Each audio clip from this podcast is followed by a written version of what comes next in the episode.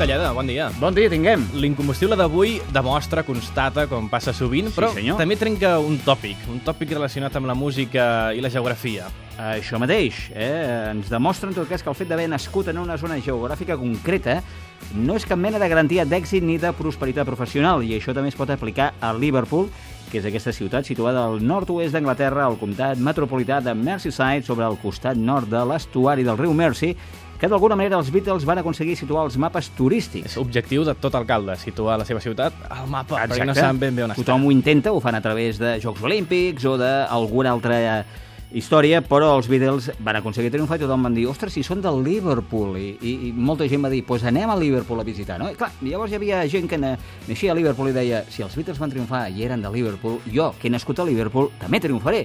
Doncs no, i el millor exemple de mala estrogança van ser de Pale Fountains, un grup de Liverpool que, malgrat tenir l'habilitat de saber construir unes cançons magnífiques, mai van tenir la sort del seu costat. Si és que la sort realment actua d'una manera capritxosa i tria a qui somriu i a qui no ho fa. És un dubte que tinc. Eh? Tot es podria fer un, un anàlisi Cosa sobre que això. avui no demostrarem perquè no ho sabem. No, avui no. Aliens al que els podria deparar el futur i amb els millors somnis, això sí, i també esperances dels quatre components de, de Pale Fountains, van aixecar la banda el 1981. 36 mesos més tard, allò que havien d'assajar i crear cançons, que és el temps que van tardar, ja tenien a punt la seva òpera prima, titulada Pacific Street, i el 1985 arribaria al segon i últim. Amb això van acabar, eh? es deia From Across the Kitchen Table. Aquest cop, i per treure's una mica la mala espina del treball anterior, que va tenir molt bones crítiques, però sense cap mena de ressò comercial important... Cosa que busquen també eh, bandes, bones Home, crítiques. Tu diràs, la, la crítica és bona, però vendre també, o més Sí, sí, encara, no? no? Perquè això t'assegura el plat de llenties. En aquest cas, els protagonistes de l'incombustible van triar el senyor Ian Brody com a productor, però quan una cosa no ha de ser, realment és que no ha de ser. I, i així va passar. Ni amb Ian Brody, també músic de Liverpool i responsable d'un grup magnífic, Lightning Seeds, autor d'una obra mestra per mi, com és el tema Pure, doncs res, que no va poder canviar el destí. I com a resultat, doncs, òbviament, la zitzània es va començar a apoderar dels components de Pale Fountains i com una grip que s'acaba contagiant a tots, eh, els que hi ha al costat al final van acabar decidint que el millor que podien fer era llançar la tovallola i buscar-se precisament el plat de llenties amb altres projectes Musicals, també. musicals. Així va ser com els germans Mick i John Head van crear el grup Shack, que encara està en actiu, tot i que es van separar entre el 92 i el 98.